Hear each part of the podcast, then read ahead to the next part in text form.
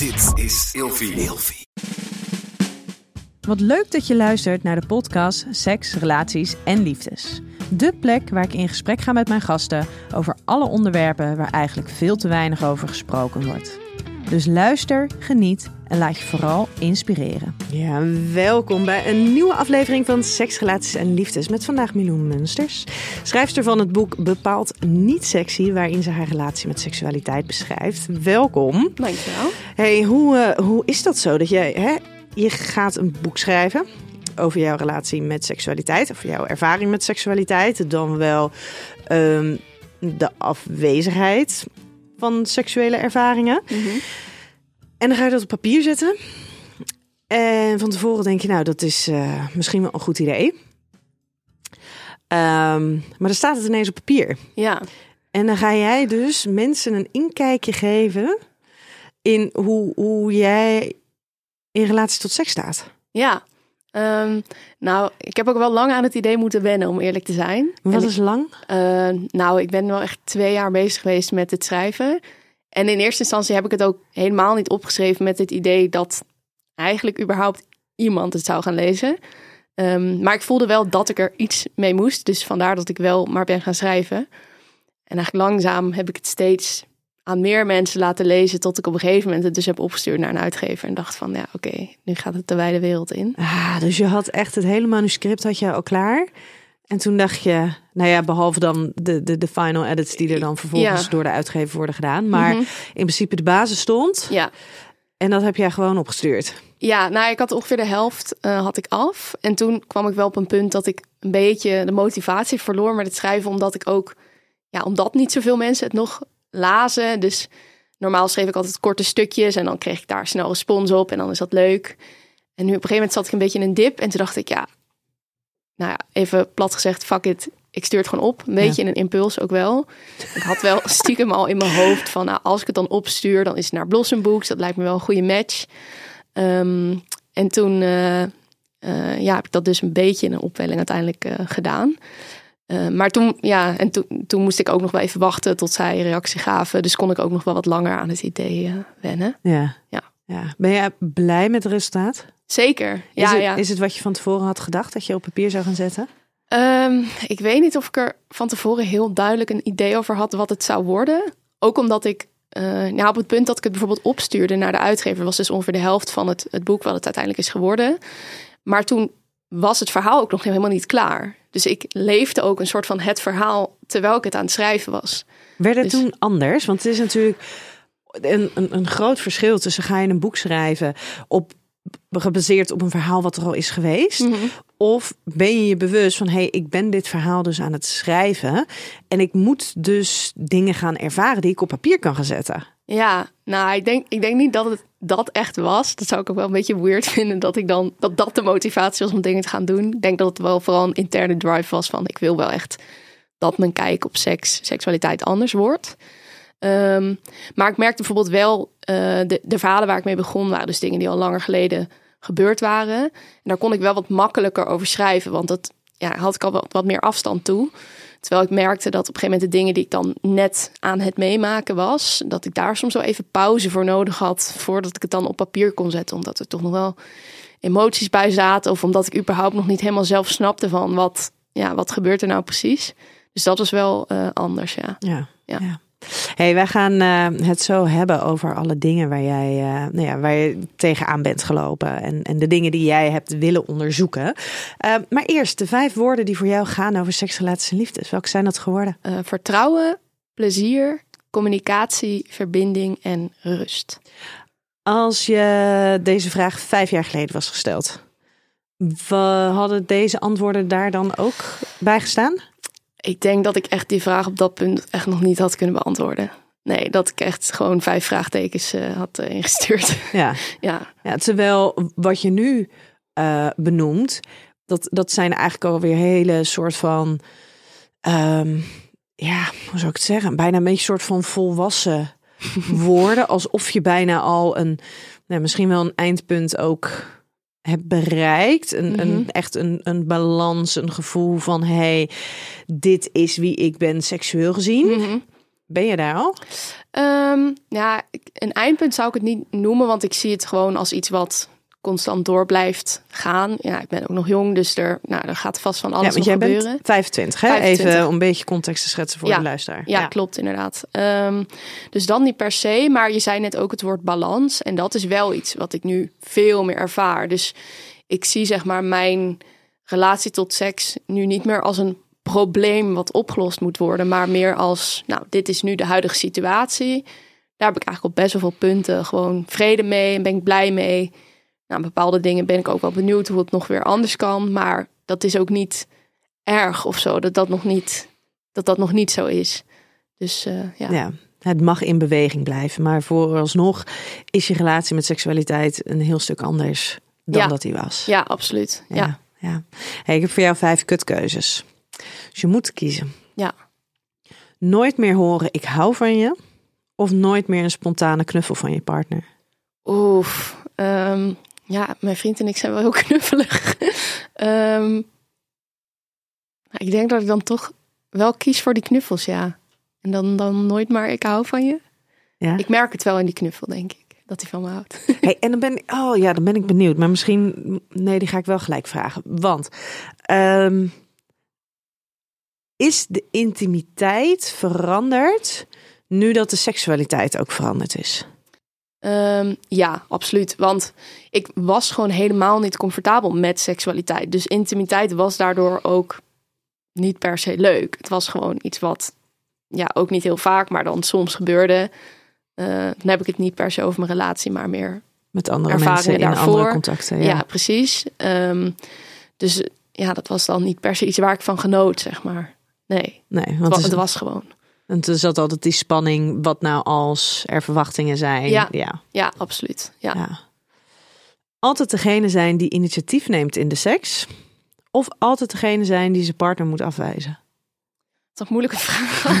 Ja, sorry. Even kijken. Nou, ik denk dat het nu wel zo is dat mijn partner vaak degene is die het initiatief neemt. En dat dat denk ik ook wel oké is. Want ik ben ook, ja, klinkt misschien een beetje dom, maar ik ben ook gewoon iemand die er soms gewoon niet aan denkt. Dus dat hij dan op een gegeven moment het, zeg maar, dat voorstelt en dat ik dan zoiets heb van, oh ja, oh, dat kunnen we ook doen. Dat is ook een optie. Ja, en dan denk ik, oh, heb ik daar zin in? Oh ja, eigenlijk wel. Dus het is ook niet heel erg op de voorgrond per se altijd bij mij. Dus dan denk ik dat het beter is als hij het initiatief blijft nemen en dat ik dan maar af en toe moet afwijzen. Ja, ja. Ja. En ehm, wijs, wijs je regelmatig af? Want ik kan me misschien ergens wel voorstellen dat als je dus zo bewust met dat stukje seksualiteit bezig bent, dat überhaupt het afwijzen van je partner kan al een complex iets zijn. Ja, Ehm, maar dat als je dus zo bewust bezig bent met je seksualiteit en het ontplooien daarvan, Mhm. dat het misschien nog wel lastiger wordt. Omdat je dan misschien wel denkt, ja, maar misschien moet ik nu wel elke kans grijpen of iets in, Mhm. in die strekking. ja, zeker. Ik vond dat in het begin van mijn relatie ook echt heel lastig. Dat, ja, dus ook, ik wilde ook niet hem het gevoel geven dat ik hem afwees. Ehm, ja, dus dat, dat was inderdaad ingewikkeld. En ik dacht dan ook soms van, oh, maar ja, waarom wil ik het dan niet? Of, eh, en hoe weet ik nou eigenlijk zeker of ik zin heb of niet? Dus dat was in het begin best wel ingewikkeld. Maar het heeft mij wel heel erg geholpen, ehm, misschien vreemd genoeg, om te weten dat het oké is om nee te zeggen. Omdat dat dus betekent dat wanneer ik ja zeg, dat het dan ook echt ja is. En dat het dan ook echt vanuit mij komt, zeg maar. Ehm, en nou ja, ik heb daar gelukkig met mijn vriend kunnen daar heel chill over praten. En hebben we daar een heleboel gesprekken over gehad. eh, Waarin de conclusie gewoon eigenlijk is van ja, eh, we moeten het allebei altijd kunnen vragen. En we moeten allebei altijd kunnen zeggen, nu even niet. Ja, En, en dat is altijd oké, zeg maar. want is jouw huidige vriend, is dat degene die jij ook in het boek beschrijft? Ja. Hoe was het voor hem? Want je had het natuurlijk ook over hem. Mhm, En ja. je schrijft op een hele positieve manier over hem. Hè? Over zijn geduld, over dat hij geen haast heeft. Of die, hij op een gegeven moment zegt van eh, juist het initiatief neemt van hé, hey, maar dus we gaan vanavond praten over, praten over seks. Mhm, ja. Ik kan me voorstellen dat het voor jou heel veel ruimte geeft. ja, Maar dat het misschien dus voor hem, ondanks dat hij er zo goed vanaf komt in je boek. Ja, dat dat toch ook wel spannend is. Dat jij dit dus gaat beschrijven. Ja, zeker. Ja, daar hebben we ook wel eh, genoeg gesprekken over gehad. Eh, nou ja, in die zin dat ik gewoon alles wat, wat ik wilde schrijven eerst aan hem heb voorgelegd van oké, ik heb dit, en vind je dat oké? En eh, eh, nou ja, ik denk wat het wel wat makkelijker maakt, is het, het gaat heel erg over hoe wij communiceren en hoe wij samen een beetje die zoektocht ingaan. Maar het is nou niet wanneer het boek hebt gelezen dat je precies weet wat wij in de slaapkamer doen of zo. Nee, het is Dus- veel meer procesmatig Ja. dan op details gericht. Ja, precies. Dus Ja. ik denk dat daardoor dat hij er eh, best wel oké, eh, nou ja, hij is gewoon heel oké ermee. Ja, Ehm, en hij is zich er waarschijnlijk donders goed van bewust dat hij er heel goed vanaf komt. ja, dat denk ik ook wel. Dat krijg je ook wel te horen van mensen Ja. die, die hem, hem dan kennen en die het dan hebben gelezen. Dus eh, ja, Ja, heel goed, heel goed. Nooit meer seks of nooit meer een relatie? Nooit meer seks. Altijd een orgasme moeten krijgen of nooit meer een orgasme krijgen? Nou, ik denk als het moet dat dan sowieso niet meer lukt. Eh, ja, maar nooit meer is ook wel jammer. Ehm, nou, zeggen we altijd moeten, dan kijken we wel hoe ver het komt. De praten of dansen met een ander om de verbinding aan te gaan. Praten. Hey, nou ja, dat, hè, jouw, jouw boek ehm, ja, is, is, het- het is absoluut een, een boek wat je hebt uitgegeven, maar het lijkt meer een soort van essay te zijn. Ja, kan me wel in vinden. Ja, Ja, want het is natuurlijk het, het, het neemt de lezer mee in hoe jij dingen hebt ervaren. Sommige dingen in het hier en nu, sommige dingen in retrospect. Ja. Eh, dus, dus dingen, nou ja, eigenlijk een soort van beter begrijpen hoe ze toen zijn gelopen. Ja. Ehm, zijn, zijn er dingen die je bewust hebt weggelaten? Ehm goeie vraag. Bewust heb weggelaten. Ik denk het niet eigenlijk. Ehm, nee. Nee, het voelt ook een beetje van ja, alles ligt toch al op tafel. Dus ehm, nou, ik heb wel. Dat is wel iets waar ik over heb nagedacht van oké, ik kan er zelf voor kiezen om hier open over te zijn. Eh, maar de mensen die erin voorkomen, die kiezen er niet voor. Eh, dus eh, nou ja, wat ik net al een beetje vertelde met mijn vriend. Het gaat niet over de details eh, van wanneer wij seks hebben. Maar ook wel, nou, beschrijf ook wel een paar ervaringen die minder zijn. Ja, daar had ik misschien nog wel explicieter in kunnen zijn hoe dat is gelopen. Of eh, hoe dat het daar... het niet waard was om een oorbel voor te verliezen. Ja, ja, ja, dat was er eentje, ja. Nou, daar, daar voelde ik me dan wat minder bezwaard over. Want dat was met een jongen die, die woonde in de VS. Dus die gaat het nooit lezen. Ja. Ehm, maar ja, dat is wel iets waar ik bewust van was. Van ja, wat, wat doet dat dan met mensen als het, als het op papier staat? ja. Ja, dat Ja. wel. Want zeker ook als je het. ehm, jij, jij schrijft vanuit jouw perspectief. Maar het Ja. kan natuurlijk best zijn dat het vanuit hun perspectief heel anders was. Ja, zeker. Ja.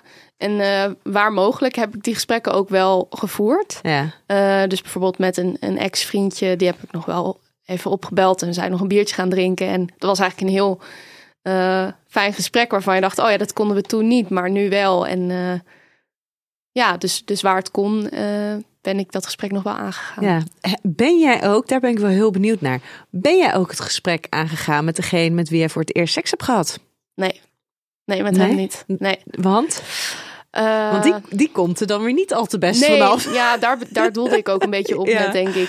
Ehm, ja, ik denk, ik heb er wel over nagedacht.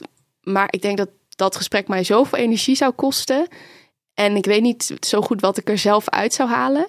Eh, hij heeft het ook nooit eh, geïnitieerd. Dus ik heb zoiets van, nou, ik eh, heb het een plekje gegeven. En Als voor mij hij, is dat dan oké. als hij het leest, weet hij dat het om hem gaat? Ja, dat denk ik wel. Ja, nou ja. Ik denk, als hij het niet weet, dan zegt het ook genoeg, zeg maar. Ah, ja. denk ik. Dan betekent het dus voor hem eh, niks. Of dan heeft het op hem geen enkele indruk gemaakt. Of dan heeft hij helemaal niet doorgehad hoe ik me erbij voelde. Dus dan, dan zegt het al helemaal genoeg. Ja, Eh, ja. ja. bijzonder hè. Hey, ik heb ehm, vijf stellingen voor jou. Mhm. Juist in de kwetsbaarheid en onzekerheid rondom seksualiteit vind je de verbinding met anderen. Oh, 100% Ja, absoluut. Ehm, ja, sowieso neemt het gewoon een heleboel druk eraf, denk ik. Als je open bent. Ehm, en ik denk, mijn idee daarbij was altijd een beetje... ja, maar openheid is niet sexy. Nou, dat is ook een beetje de titel van het verhaal. Van dat kan niet sexy zijn, want je moet voor jezelf voordoen alsof je heel veel zelfvertrouwen hebt. En dat, dat is wat sexy zijn is. Maar Ja, en dat je alles weet. dat je En- alles weet. Dat je weet wat je wil. Dat je weet wat de ander wil. Terwijl, ja, als je niet open opstelt, ja, hoe moet de ander dat dan ooit weten? Je, hoeft niet, ja, je kan elkaars gedachten ook niet lezen. Dus ik denk dat dat zeker erg helpt eh, om in verbinding te komen. En zowel eh, binnen je relatie als ook met gewoon vrienden. Ehm, ja, ik voer heb nu een heleboel gesprekken door mensen die dan het boek hebben gelezen. En die dan appjes sturen van, oh, ik heb dit ook. En dat je denkt van, jeetje, dat heb ik nooit geweten. Terwijl ik jou toch echt best wel goed en al best wel lang ken. Dus eh, Ja. ja, Nou, dat vond ik ook zo mooi. Dat hè, jouw startpunt was: hè, ik, ik ben het meisje zonder seksuele ervaring. In een, nou ja, in een wereld waarin al mijn vrienden en vriendinnen die ervaringen wel hebben. Ja. Ehm, je daarin een soort van heel erg alleen Mhm. voelend. Ja. En vervolgens ga je deze, ben je bezig met deze verhalen, ga je deze gesprekken, ga je dus, dus aan. Ja. En kom je er dus achter dat iedereen eigenlijk wel zijn stukje hierin heeft. ja, Hè, zijn onzekerheden, het niet weten, eh, het, de stress of spanning rondom seksualiteit vinden. En dat het misschien voor jou een opeenstapeling van die dingen was. Dus dat, het- dat het een verzameling was van meerdere dingen waar je tegenaan liep. Mhm. Maar dat, dat jij dus helemaal niet zo alleen was daarin. Nee, nee, zeker niet. Nee, dat was wel een, eh, wel een bijzondere ervaring. En inderdaad, ook, ook mensen van wie ik eh, dacht van... nou, jij bent echt de meest confident persoon. Of jij hebt sowieso nergens... jij twijfelt nooit ergens over op dat vlak. Ook die mensen hadden... eh, punten waarvan ze dachten, daar herken ik me in. Of, of dat eh, ook bijvoorbeeld mannen die zeiden, ja, ik heb het niet, maar wel mijn vriendin. Oh, ik denk dat ik haar nu een stuk beter begrijp. Ja. Eh, ja. En wat ik dan zo bijzonder vind, want je bent nu 25. Ehm, het boek is, is, eh, nee, is, is vorige maand is dat uitgekomen. Ehm, je hebt er ongeveer twee jaar over gedaan. Mhm. Hoeveel weet je überhaupt al over seksualiteit en wie je bent als seksueel wezen Mhm. in je begin twintiger jaren? Ja, Dat is toch juist een periode van dingen proberen, nieuwsgierig zijn, onzeker zijn, je af en toe onwijs ongemakkelijk voelen, af en toe even onwijs op je bek gaan en denken: oh mijn god, hoe ga ik dit echt de- walk of shame? Dat je denkt: oh, hoe ga ik dit, hoe ga ik hier ooit, ooit te boven komen? ja, En als, als ik kijk naar, naar mezelf nu en ik vergelijk dat met tien jaar geleden. En ja, er. Ehm, nou ja, onze startpositie wat betreft seksualiteit was iets anders. Maar hoe ik me nu voel en wat ik nu ervaar, is niet te vergelijken met toen. Dus verwachten we daar niet sowieso veel te veel van onszelf om eigenlijk op zo'n jonge leeftijd, waarbij we ook nog eens zien dat de leeftijd waarop jongeren überhaupt seksueel Ja. actief met een ander worden, hè, die schuift telkens op, Ja. die wordt telkens ouder, dus telkens langere solo-sekscarrière. Wat, wat moeten we eigenlijk van onszelf verwachten? ja. Nee, dat, dat is denk ik een heel terecht punt. En ehm, ik denk dus ook dat, dat dat een beetje mijn conclusie is van... oh, maar blijkbaar hebben we die twijfels allemaal in deze fase. Maar mijn vraag is dan wel van waarom hebben we het daar niet over? Want doordat we dat gesprek niet voeren, lijkt het alsof de buurman, zeg maar, eh, het wel allemaal weet en het wel allemaal heeft uitgedokterd. Terwijl ik denk dat het een heleboel zou schelen als we daar dus open over zouden zijn van ja, ik doe ook maar wat, ik weet het soms ook niet of ik twijfel ook wel eens. Ja, Dat terwijl, dat eh, ja, een hoop druk weg zou nemen. terwijl het bijzondere is, het ligt er natuurlijk ook aan met wie je die gesprekken voert. Want ehm, is dat dus met iemand eh, halverwege de 30, eh, 40 of ouder, die zullen je waarschijnlijk allemaal zeggen: het wordt anders. Ja. En datgene hoe het toen was, is niet hoe het later zal zijn. Ja. Ja, dat denk ik ook. Dat is inderdaad ook wat ik veel hoor van eh, mensen ja, die dan inderdaad een generatie boven mij zitten, bijvoorbeeld. Van eh, ja, eh, maar ja, maak je niet zo druk. Er is nog, er, er komt nog van alles aan, zeg maar. Maar tegelijkertijd denk ik, ja, maar het is ook nou zo wat om daar gewoon op te gaan zitten wachten, toch? Ja, maar er is een verschil tussen ehm, daarop wachten en vanuit, nou ja, als je daar behoefte aan hebt, ehm, vanuit nieuwsgierigheid daarin gewoon ervaringen op te doen. Ja, Weet je, je hebt de tijd. ja en ik denk dat, dat, dat ik die ruimte gewoon niet heb gevoeld van. Want dat is wat het nu een beetje is, inderdaad. Eh, die balans waar ik het eerder over had, dat is gewoon van nou, nieuwsgierig en we zien het wel. Ehm, terwijl eerder was het gewoon paniek. Ik kan het niet, het lukt me niet. Ehm, maar om van dat ene naar dat andere te komen, eh, ja, ik denk niet dat je dat in je eentje kan. Of in ieder geval, mij lukte dat niet. Nee, maar je hebt ook iemand nodig die zegt het is oké. Ja, ja. En jij bent daar dus een hele lieve jongen tegengekomen die zei: Het is oké, ik Ja. heb geen haast. Ja. Nou ja, die lieve jongen, maar dus ook andere mensen om me heen, die dus allemaal ook zeiden van, maar weet je wat jij ervaart, dat is niet raar. Dat is niet Nee. gek. En we willen allemaal zo graag normaal zijn wat betreft seks. Ja. Maar we houden ons allemaal zo'n nou ja, beperkt beeld voor van wat dan normaal is. Ja, dat denk ik ook. Ja, zeker. Volgende. Om te kunnen genieten van seks moet je ruimte in durven nemen. Ja, denk ik absoluut. Ehm, nou ja, het is geven en nemen natuurlijk, want je bent ook bezig met, eh, met de ander. En eh, tenminste, als je vanuit gaat seks met, met, eh, met z'n tweeën. Maar ehm, ja, ik denk wel als het je niet lukt om die ruimte in te nemen, dat je dan al snel denkt van, oh, het duurt te lang. Of waarom kom ik nou niet klaar? Of ehm, eh, ja, dat, dat je je eigen plezier eigenlijk minder belangrijk maakt dan dat van de ander. En dan wordt het ook nooit heel bevredigend, denk ik, voor jezelf. Dus ik denk dat het absoluut belangrijk is. Ja, en ik vond het zo grappig hoe jij beschreef dat ehm, het mannelijk genot letterlijk meer ruimte in beslag Ja, neemt. ja, ja, ja, omdat het natuurlijk veel zichtbaarder is. Ja, precies. Ja. Ja, dat is denk ik voor veel vrouwen wel. eh, eh, ja, dat bes- beschreef ik ook aan de hand van. eh, ik zie hem hier achter liggen toevallig. eh, het boek van Emily Nagoski, Oh ja, Come As ja. You Are. En dat ging ik op een gegeven moment lezen. En zij draagt je eigenlijk al best wel snel op van... nou, pak nou eens een keer een spiegel en ga het nou eens een keer goed bekijken. Ja, ik had dat echt nog nooit gedaan. En ik denk een heleboel vrouwen überhaupt dat die dat nog nooit hebben gedaan.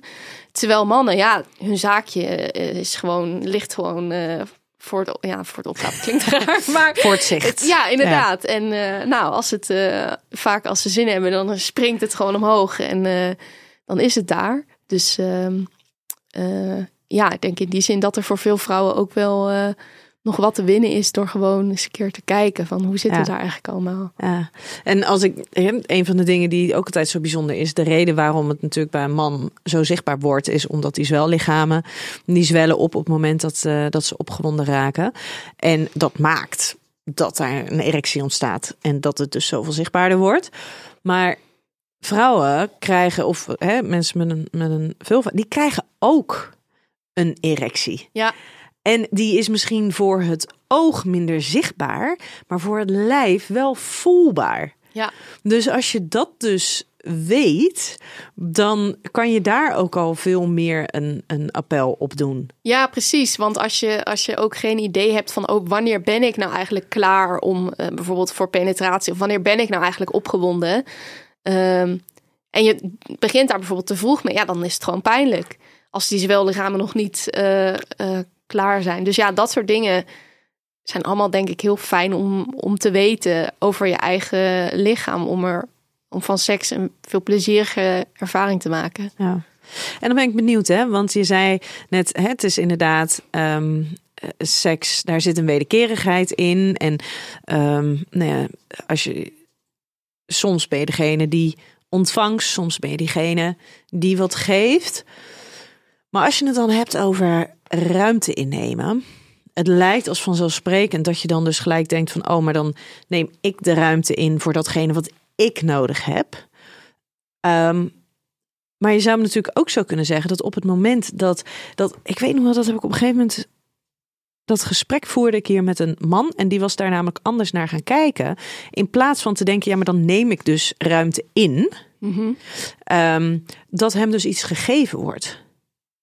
Dus de gever, dat die eigenlijk veel meer ehm, ja, erkenning krijgt voor diens rol in datgene wat er dus gebeurt. Dus dat op het moment dat jij um, bevredigd wordt, Mhm. dat het niet zozeer gaat over dat jij dan alleen maar die ruimte inneemt, maar dat de gever ervan juist ook ruimte inneemt. Want die besluit, ik ga jou wat geven. Ja. En dat dat natuurlijk eigenlijk ook ruimte innemen is. Zeker op het moment dat jij je heel bewust bent van, oh ja, maar ik ga nu, ik ga nu een stukje bijdragen, een stukje genot geven Mhm. aan mijn partner. Ja, En dat het dan dus misschien ook veel minder ehm nou, ja, denigerend is van, oh ja, ik word nu gebruikt Mhm. voor de behoeftes van mijn partner. ja, ja, ja. Dus dat je het. Maar ik denk ook als je binnen een, een eh, liefdevolle relatie, of, of niet eens een relatie, maar gewoon een.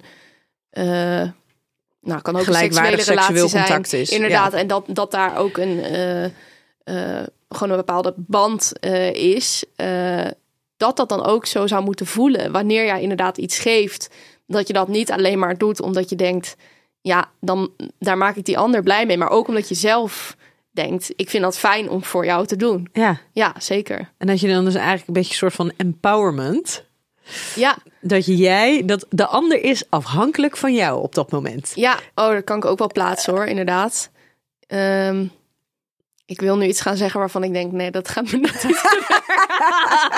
Nee, sorry, die skip ik even. Ja, dat valt onder het stukje niet te veel details. Ja, eh, ja, ja, ja. Ja, maar dat mag. Dat mag. Maar dan zou het dus wel kunnen gaan. ehm, als je het dan hebt over om te kunnen genieten van seks, moet je ruimte in durven nemen. Van oh ja, maar of het nou is dat jij geeft of dat je ontvangt. Als je dat inderdaad ziet als ik neem actief een rol aan. Want of ik geef actief, ik draag bij actief aan het genot van de ander. Of ik geef aan waar mijn behoeftes liggen en ik neem actief ruimte in door te ontvangen. Ja. Dat dat toch wel elementen zijn waardoor je meer kan gaan genieten van seks. Want je bent in ieder geval meer betrokken. Ja, zeker. Ja, omdat je dus. ehm, ja, ik snap, ik snap wat je zegt inderdaad. Ruimte innemen gaat niet alleen maar over. Ik claim. eh, of claim, maar ik. eh, ja, ik maak plek voor wat ik wil. Maar ook, het is ook van. Je neemt een soort van de lead in hoe. Hoe de seks er überhaupt uitziet. Ja, Eh, ja, en dat, dat kan ook. Dat kan ook heel inderdaad empowering en fijn zijn dat je daar ja, een, stem, een stem in hebt of daar een ja, invloed op kan uitoefenen. Ja. ja en Ja. actief deelneemt aan. precies. Ja, dat je het niet alleen maar over je heen laat komen. Ja. Ja. Ja. De volgende. Iedereen is in staat om fijne seks te hebben. Ehm, ja, ik denk niet dat ik in mijn eentje voor iedereen kan spreken. Ehm, je zou hopen dat het zo is, maar kijk, ik heb een aantal ervaringen gehad waar ik niet zo blij mee was, eh, die me wel in de weg zaten, maar dat waren ook geen dingen die echt diepe trauma's hebben achtergelaten. Ehm, maar ik kan me ook voorstellen dat er mensen zijn voor wie dat wel zo is en dat het dan heel ingewikkeld is om Ehm, ja, om daar overheen te komen. En je zou hopen dat dat kan met de juiste hulp. Maar ik weet niet of dat altijd zo is. Ehm, en daarnaast heb je natuurlijk ook gewoon mensen die aseksueel zijn. En die zeggen, nou, voor mij hoeft het überhaupt allemaal niet zo. Dus iedereen kan. Ja, ik zou hopen dat dat voor iedereen kan. Maar ik weet niet of dat in de praktijk zo is. Ja, of dat je in ieder geval dat iedereen dus zou gunnen die daar de behoefte aan heeft. Ja, precies. Ja, dat is wel een mooie, ja. ja. Had jij ooit gedacht, ooit, dat klinkt heel dramatisch, maar ehm, had jij gedacht dat jij in staat zou zijn om fijne seks te hebben? Eh, nou, er was zeker wel een tijd dat dat echt als een enorme ver van mijn bedshow eh voelde. Dus ehm, ja, het is dubbel. Want nu ik zeg maar aan de andere kant zit, denk ik juist van ja, hoe kon ik nou ooit denken dat dat zo ingewikkeld of zo eh, ver weg zou zijn? Ehm, maar er was zeker wel een fase dat ik dacht, nou ja, whatever, ja, laat maar. Het is gewoon blijkbaar niet voor mij. Of eh, voelde als een veel te grote stap. Ja. ja. Je kan alleen fijne seks hebben als je je sexy voelt. Ehm, ja, ik denk dus dat het zeker wel helpt ehm, om je sexy te voelen. Maar dat het soms ook wel zo kan zijn dat je niet per se dat gevoel hebt wanneer je ermee begint, maar dat je door de seks ook wel dat gevoel ontwikkelt, zeg maar. Ehm, dus dat is ook wel iets wat mij soms kan blokkeren, zeg maar. Dat ik dan denk van, oh ja, gaan we het nu doen? Ja, ik zit helemaal niet in de juiste sfeer. Maar als je dan toch even je eroverheen zet, dat je dan denkt van, oh, nou, toch wel leuk. Mhm. Ehm, dus het, ja, het hoeft niet altijd daarmee te beginnen, denk ik. Nee. Dat was wel grappig, want ik schreef deze op en toen dacht ik, ehm, ja, maar inderdaad, sexy voelen. Ik vind dat een heel lastig concept. Wat is dat dan? Sexy voelen. En dat als ik me op mezelf ehm, betrek of reflecteer, dan denk ik, oh ja, maar als ik me sexy voel, is dat vaak eerder een gevolg van de seks die er al is, Ja. dan dat ik van tevoren denk, woehoe, ik voel me sexy. Ja. Dus. Ja, precies. Ja, dat snap ik heel goed. En, en ik denk ook, dat is ook een besef wat mij heel erg heeft geholpen van... ehm, het hoeft ook niet constant sexy te zijn. Het mag ook, je mag er ook een beetje om grinniken. Of er mag ook iets eh, fout gaan met het condoom. En dat je denkt, oh haha, nou ja, whatever, pak een nieuwe. Of Maar wat is sexy dan? Ja. Als jij al zegt, je hoeft niet altijd sexy te zijn, want het mag dus af en toe ook gewoon onhandig zijn, of dat het condoom niet lukt, of wat dan ook. Mhm. Eh, maar wat is sexy dan? Is sexy dan dat dat soort dingen allemaal niet gebeuren? Nee, absoluut niet. Ik denk dat sexy is dat je die dingen gewoon accepteert en dat je er niet te veel een big deal van maakt. Dat je er, dat je er even om kan lachen en je gaat gewoon weer door. Dat veel meer sexy is dan dat je denkt, oh kak, ja, wat heb ik nu gedaan? En, en dat je dan helemaal in de paniek gaat. Ehm het veel sexier is om gewoon, nou we lachen er even om en we gaan Ja. verder. Dus dat het sexy zijn dan misschien veel meer zit in het zelf dusdanig comfortabel zijn met eigenlijk alles wat er gebeurt. Ja, Dat je dat ook kan verdragen Ja. zonder dat het iets afdoet, zonder dat het afbreuk doet aan het moment. Ja, precies. En ik denk dat dat ook was waarom, eh, want je vroeg naar die vijf woorden en mijn eerste woord was vertrouwen. En dat is op allerlei manieren eh, bedoel ik dat denk ik, maar dus ook gewoon het vertrouwen in jezelf van, oh, ik, ik kan dingen handelen en ik doe dingen op een prima manier en ik hoef niet aan mezelf te twijfelen. Eh, ik hoef niet aan die ander te twijfelen, aan zijn intenties. Het is allemaal oké, het komt allemaal goed. Dat vanuit dat vertrouwen, vanuit die rust, daar een soort sexyheid, sexyheid uit Mhm. kan eh, ontstaan. Ja, terwijl als je dan kijkt naar hoe jouw boek heet, niet bepaald sexy. ehm, dat is, dan l- lijkt het een beetje alsof dat jouw beginpunt is geweest. Dat je het idee had van ja, datgene wat ik nu ga vertellen is echt totaal niet sexy. Mhm. Maar dat zoals je hem dus nu definieert, van je, wordt het, heb je dus misschien ergens wel geleerd, of ben je naar het punt toe aan het gaan, dat eigenlijk alles wat jij beschrijft, gewoon hartstikke sexy mag zijn. Want dat is er nou eenmaal wat er allemaal bij hoort. Ja, En dat hoeft dus niet af te doen aan, ehm, aan hoe sexy iets is. nee, precies. En ik denk inderdaad dat, dat het een soort van beginpunt was. Dat ik dacht van, nou, dat is allemaal niet sexy. Ehm, en nou, heel eerlijk vind ik het ook nog steeds niet per se sexy. Als in, maar dat hoeft ook niet. Zeg maar, tuurlijk is het fijn als het in de slaapkamer sexy is. Maar ik denk ook dat je prima... En dat is eigenlijk waar ik voor pleit met het boek. Van, we moeten ook een gesprek over seks kunnen hebben... wat niet per se sexy, romantisch, plat hoeft te zijn... Maar ook niet per se biologisch of zakelijk, maar iets daartussenin. Gewoon heel normaal. Ja, seks. Oké, is één ding wat we doen. Net zoals je praat over je werk of je opleiding, eh, praat je ook over seks. Ja. Dus dat is ook een beetje wat ik ermee bedoel. Ja, of zouden we dan het begrip sexy dus moeten gaan verbreden en dat niet zozeer zien als, hey, dat is dan bijvoorbeeld hè, een, een vrouw in superspannende mooie lingerie in een vol blinkend van zelfvertrouwen die die de de bedpartner gaat verleiden en dat dat sexy is, Ehm, maar dat het dat het veel meer is Ja, en ik denk ook dat. in de realiteit is het ook veel meer dan dat. Want er zijn toch superveel mensen die echt niet bij zo'n vrouw die jij beschrijft dan denken, nou, dat is echt het, het summum van sexy voor mij. Ik denk echt dat er een heleboel mannen zijn. Dat zeggen mannen toch ook altijd van, oh, ik vind het veel leuker als ze geen make-up op heeft. Weet je wel, dat soort dingen. Veel puurder. Ja, precies. Dus eh, dat is ook heel persoonlijk wat je sexy vindt. Hey, ik heb voor jou eh, de laatste stelling. Tijdens de seks moet je op magische wijze elkaars gedachten kunnen lezen. Ja, ja die, eh, die, die komt uit de één verhaal inderdaad. Ehm, ja, dat was altijd heel erg mijn eh, onuitgesproken idee. Dat ja, ook een beetje op basis van wat je dan ziet in films en zo. Dat, dat ging allemaal automatisch. Blijkbaar wisten ze gewoon van elkaar van... oh, jij vindt dit lekker en dat. En dan... eh, nou, bam, bam, bam. En dan komen we te- tegelijk eh, klaar. Je weet dat tv gescript is, hè? Ja, ik weet het, maar ja, maar ik denk dan toch van waarom zien we dan niet meer realistische voorbeelden daarvan? En die zijn er ook wel steeds meer. Ehm, denk bijvoorbeeld aan een serie als Sex Education. Nou, vind ik echt fantastisch. Dat je bepaalde dingen dat ik die daar tegenkwam, dat ik dacht, dit heb ik nog nooit in een film of op tv gezien. Bijvoorbeeld een masturberende vrouw. Had ik nog nooit gezien. Nee? Nee. Ja, in porno kom je het misschien tegen, maar niet gewoon in een serie of een film. Nee.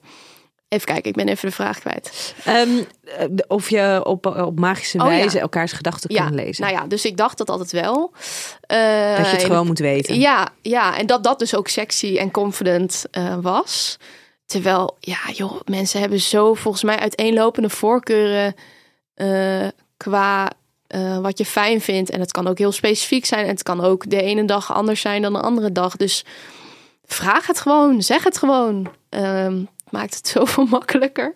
Bizar is dat, hè? Ja, Maar wat, wat zou jou geholpen hebben daarin?